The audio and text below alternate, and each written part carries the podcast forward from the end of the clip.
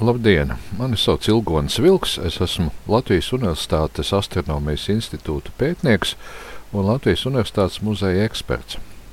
Vai zināji, ka kosmosā ir ļoti daudz planētu? Ne tikai tās astoņas, kas ir Saules sistēmā. Šobrīd, 2021. gada martā, pēc citām zvaigznēm atklāts vairāk nekā 4000 planētu. Tā sauc par eksoplanētām vai citplanētām. Interesanta septiņu planētu saime, kā tādi septiņi rūķīši, riņķo ap sarkano punduri Trapist 1, ūdensvīra zvaigznājā 40 gaismas gadu attālumā. Tās ir nelielas planētas, četras ir nedaudz lielākas par Zemi, bet trīs nedaudz mazākas. Planētas riņķo tuvu savai zvaigznē, bet tas ir labi, jo sarkanais pundurs dos daudz mazāk siltumu nekā Saule. Uz divām zvaigznei tuvākajām planētām ir samērā karsts - 124 un 67 grādi.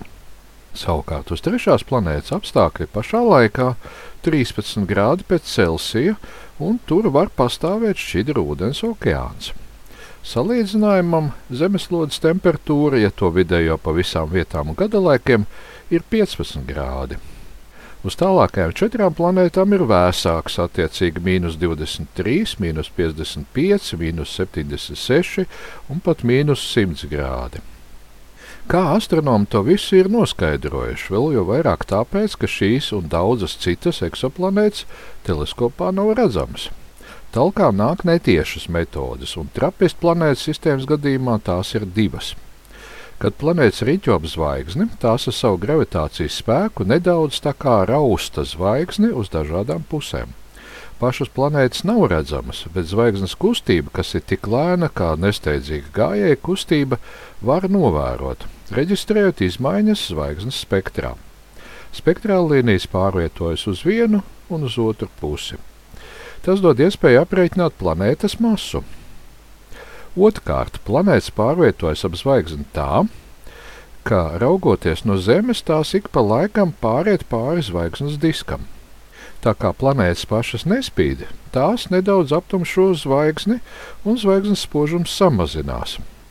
Ļoti precīzi spožuma mērījumi ļauj noteikt planētas kustības raksturlielumus un izmērus.